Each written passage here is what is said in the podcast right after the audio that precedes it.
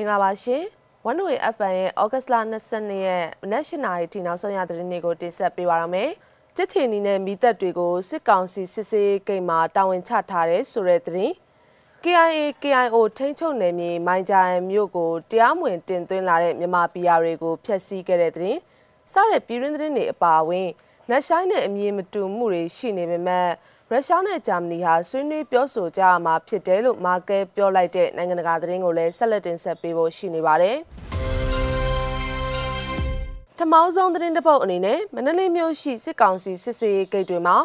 မိသက်တပ်ဖွဲ့ဝင်တွေကိုသာမကကြက်ချင်နီလူငယ်တွေကိုပါစစ်ကောင်စီကဂိတ်စစ်ဆေးရေးတာဝန်ပေးထားပါတယ်။ဂိတ်တိုင်းအတွက်တာဝန်တွေချထားတာမဟုတ်ပေမဲ့နေရာတော်တော်များများမှာသူတို့ဂိတ်ဆောင်နေကြတဲ့အတွက်မန္တလေးမြို့ကန်တွေအကြားဝေဖန်မှုတွေထွက်ပေါ်နေပါတယ်။ လူချစ်လူခင်ပေါ်တဲ့စေနာဝန်ထမ်းတွေကိုအခုလိုတွေ့ရတာအမြင်မသိတော့ပါဘူး။မိသက်ဝတ်စုံနဲ့ဒုတ်ကင်ထားတာလူမုန်းခံရတာပေါ်လို့မြို့ကန်တူကပြောပါတယ်။စစ်စေးကိတ်တွေမှာမိသက်နဲ့ကြက်ချီနီဝတ်စုံဝတ်လူငယ်တွေနေရာတော်တော်များများတွေ့နေရပါတယ်။အတင်းခေါ်ခိုင်းထားတာလားဟိုဘက်ပါသွားတာလားဆိုတာတော့မသိဘူးလို့ချမ်းမြတာစီမြို့နယ်မှာနေထိုင်သူတူကပြောပါတယ်။အရင်ကလူလူရဲ့ချစ်ခင်လေးစားမှုရနေတဲ့ကြက်ချီနီတွေနဲ့မိသက်တပ်ဖွဲ့ဝင်တွေအနေနဲ့ ပြည်သူ့ဘက်ရက်တီပြီးအကြမ်းဖက်စစ်ကောင်စီနဲ့မပူးပေါင်းဖို့လည်းမြို့ကန်တွေကပြောပါရယ်။ COVID-19 တတိယလိုင်းကာလအတွင်းဩဂတ်စ်လ16ရက်ကစတင်ပြီးမနက်9နာရီကနေနေ့လယ်3နာရီခွဲအတွင်းအရေးပေါ်ကိစ္စကလွဲလို့အပြင်ထွက်ခွင့်ကိုစစ်ကောင်စီကတားမြစ်ထားပါတယ်။ကန့်သက်ချိန်မှာအပြင်ထွက်သူအချို့ကိုပြစ်ခတ်တာထောင်ဒဏ်6လအထိချမှတ်တာငွေတောင်းခံတာတွေကိုလည်းပြုလုပ်လျက်ရှိပါတယ်။စစ်စေးဂိတ်တွေမှာစစ်သားရဲ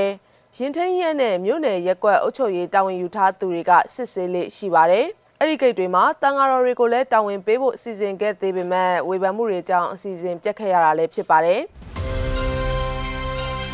နောက်ထပ်သတင်းတစ်ပုဒ်အနေနဲ့ KIO KIA ထိန်းချုပ်နယ်မြေမိုင်ဂျာယန်မြို့အတွင်းကိုတရားမဝင်တင်သွင်းလာတဲ့မြန်မာပြည်ယာတွေကိုဩဂတ်လ22ရက်ကဖျက်ဆီးလိုက်တယ်လို့သိရပါတယ်။မိုင်ဂျာမြို့ကိုတရားမဝင်တင်သွင်းလာတဲ့မြန်မာပြည်ယာဖာ90လောက်ကို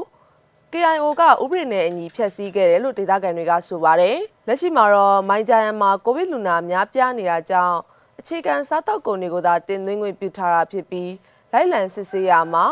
ဩဂတ်လ22ရက်နေ့မှာဖျက်ဆီးလိုက်တာဖြစ်တယ်လို့ဒေတာရင်းသတင်းရင်းမြစ်တွေကဖော်ပြပါတယ်။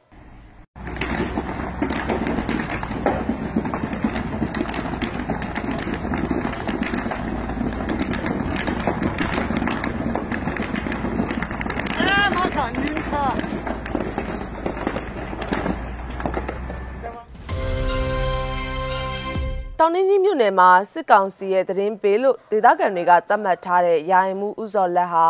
ဩဂတ်စ်လ22ရက်နေ့ပိုင်းကတနက်နေ့ပြစ်သက်ခံခဲ့ရတယ်လို့သိရပါဗျ။အဲ့ဒီပြစ်ခတ်မှုဟာသူတို့လက်ချက်ဖြစ်တယ်လို့ဗိတ်တနိုးနယ်မြေပြည်သူ့ကာကွယ်ရေးတပ်မတော်ကထုတ်ဖော်ကြေညာခဲ့ပါတယ်။ဥစော်လက်ဟာမကွေးတိုင်းဒေသကြီးတောင်နှင်းကြီးမြို့နယ်ရွှေအိုးတစ်ရက်ကွက်ရဲ့ယာယီမှုဖြစ်ပါတယ်။ဗိတ်တနိုးနယ်မြေပြည်သူ့ကာကွယ်ရေးတပ်မတော်ရဲ့ကြေညာချက်မှာတော့ရွှေအိုးတစ်ရက်ကွက်အုပ်ချုပ်ရေးမှုရုံးအတွင်းကိုဝင်ရောက်ပစ်ခတ်ရမှာ ဥစော်လက်ရဲ့ဥကောင်းမှာတစ်ချက်ရင်မက်မှာနှစ်ချက်ကြည်ထိမှန်ခဲ့တယ်လို့ဖော်ပြထားပါတယ်။ဆက်လက်ပြီးစစ်ကောင်စီရဲ့လက်ပါစီတွေသတင်းပေးဒလန်တွေသူတို့ရဲ့မိသားစုဝင်တွေနဲ့နှီးနွယ်ဆက်ဆက်သူတွေရဲ့အသက်အိုးအိမ်စီးစိမ်တွေကိုတာဝန်ယူမှာမဟုတ်ဘူးလို့လည်းဗေဒနိုးနယ်မြေပြည်သူ့ကာကွယ်ရေးတပ်မတော်ရဲ့ပြန်ကြားရေးတာဝန်ခံဗိုလ်ထန်ထွတ်ကဩဂတ်စ်လ22ရက်ရက်စွဲနဲ့ကြေညာခဲ့ပါတယ်။ သတင်းစာဆရာဦးစီသူအောင်မြင့်နဲ့ BBC Media Action ရဲ့အလွတ်တန်းသတင်းတောက်မထထခိုင်တို့ကိုပုံမှန်နှစ်ခုနဲ့အမှုဖွင့်ထားကြောင်းစစ်ကောင်စီဝါရဖြန့်မီဒီယာတွေကထုတ်ပြန်ပါတယ်။သူတို့နှစ်ဦးကိုကျန်းဖက်စစ်ကောင်စီက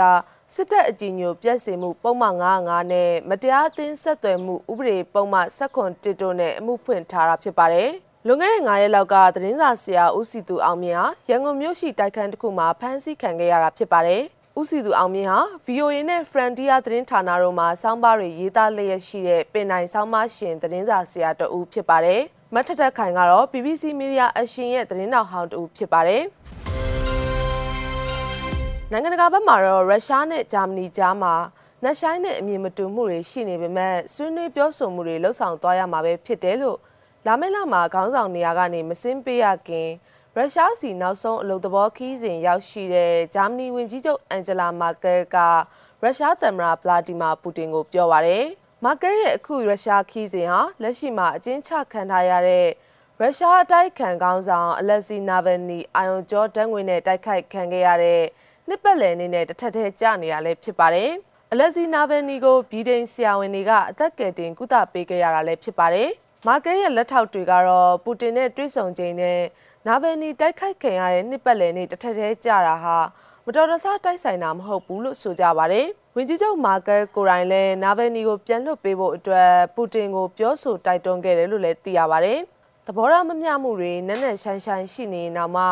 တဦးနဲ့တဦးဆက်ဆက်မပြတ်ပြောဆိုနေပြီးဒါဟာဆက်သွားရမယ့်လမ်းကြောင်းမှန်ပဲဖြစ်တယ်လို့ကရီမလင်မှာဆွေးနွေးမပြောဆိုခင်ရုတ်တံကနေအပြန်အလှန်တွေးဆုံမှုမှာမာကဲကပူတင်ကိုပြောခဲ့ပါတယ်။ ကျမတို့မှာဆွေးနွေးပြောဆိုရမယ့်ကိစ္စရပ်တွေအများအပြားရှိထားပါတယ်လို့အာဖဂန်နစ္စတန်မှာတာလီဘန်တွေအာဏာသိမ်းတာအပါအဝင်အစီအစဉ်တွေကအရေးကိစ္စအချို့ကိုထုတ်ဖော်ပြောဆိုပါတယ်။ဒါပြင်တအုံနွေးနွေးဖြစ်နေတဲ့အရှေ့ယူကရိန်းပရိပခါတွေနဲ့ရုရှားရဲ့မဟာမိတ်ဘီလာရုစ်မှာအာနာရှင်ဆန်ဆန်ဖြိုခွင်းမှုအရေးကိစ္စတွေကိုလည်းဆွေးနွေးဖြစ်မယ်လို့မျှော်လင့်ရပါတယ်။ပူတင်ဟာအမျိုးသမီးကောင်းဆောင်တွေအတွက်တည်တံ့ဆက်ဆံမှုအလေးအထားအတိုင်းမာကဲကိုပန်းစည်းပေးကြိုဆိုပြီး အခုခီးစဉ်ဟာနှုတ်ဆက်ခီးစဉ်တသက်တာမကပဲအရေးပါတဲ့ခီးစဉ်တစ်ခုဖြစ်မယ်လို့မျှော်လင့်ကြောင်းလည်းပြောခဲ့ပါတယ်။ဝန်တို့ရဲ့ FM နဲ့ပိုင်းနောက်ဆုံးရတဲ့တွေကိုတင်ဆက်ပေးခဲ့တာပါ။နားဆင်မိခဲ့ကြတဲ့ပြည်သူတွေအားလုံးစိတ်ချမ်းသာခြင်းကိုယ်ဤကျန်းမာခြင်းနဲ့ပြည့်စုံနိုင်ကြပါစေရှင်။